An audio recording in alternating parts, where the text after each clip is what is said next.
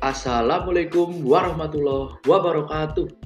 Halo teman-teman, kembali lagi bersama aku Atala Naufal Raffi Rimbardi dari Ilmu Komunikasi 19 Universitas Muhammadiyah Yogyakarta.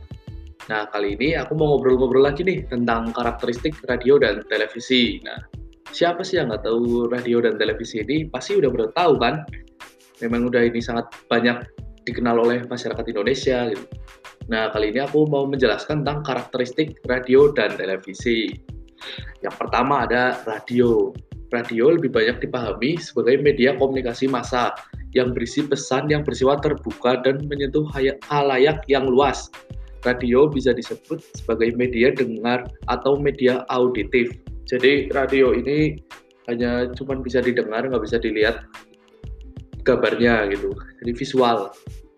Dan radio itu adalah sebagai media penyiaran merupakan jenis media masa ketiga yang lahir di dunia setelah pers dan film. Wow, banget kan? Mana itu sangat kasih gitu ya. Dan radio sebagai media yang hanya dapat ditangkap oleh telinga saja, memiliki kekurangan yang mendasar, yaitu tidak dilengkapi dengan gambar. Nah, untuk membayangkan kejadian yang sesungguhnya, pendengar harus menggunakan imajinasinya sendiri Siaran radio bersifat end-mailing atau sekali jalan. Isi siaran hanya dapat didengar sekali saja. Sudah itu hilang dan tidak dapat didengar lagi. Jadi nggak bisa diulang-ulang itu, nggak bisa di uh, mundurin gitu. Nah, radio juga menjadi media yang memiliki sifat persuasif yang tinggi dan mampu menciptakan keakraban dengan halayak atau publiknya.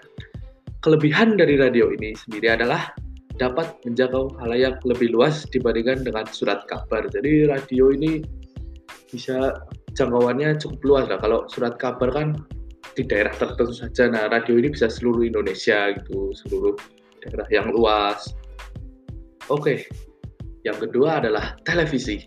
Televisi adalah media siaran serumpun dengan radio. Jika radio hanya mampu menyalurkan suara, televisi mampu menyalurkan suara dan gambar. Uh, jadi televisi ini kayak ada suara dan gambarnya, jadi lebih bagus daripada radio gitu. Terus juga televisi berkembang sebagai media massa karena suara dan gambar yang telah disiarkan itu menyentuh halayak yang banyak serta bersifat umum atau terbuka. Televisi telah berperan sebagai media massa yang menawarkan rangkaian citra dan bentuk-bentuk baru yang dipengaruhi dan mempengaruhi kehidupan manusia. Televisi mampu menampilkan keunggulan dan karakteristik yang khas, terutama dari hal kedekatannya dengan kehidupan sehari-hari.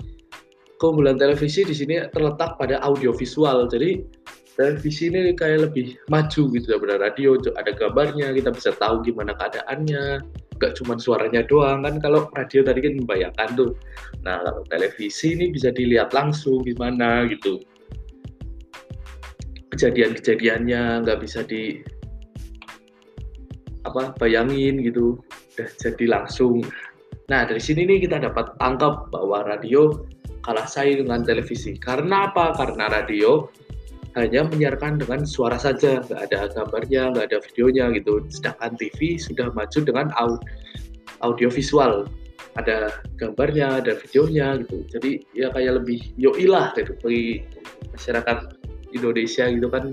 Kalau ada yang penasaran tentang apa-apa ini kan bisa dilihat langsung di televisi gitu. Oke, mungkin sedikit aja sih dari saya bila ada kesalahan mohon dimaafkan. Pamit undur diri. Wabillahi taufik walidayah. Wassalamualaikum warahmatullahi wabarakatuh.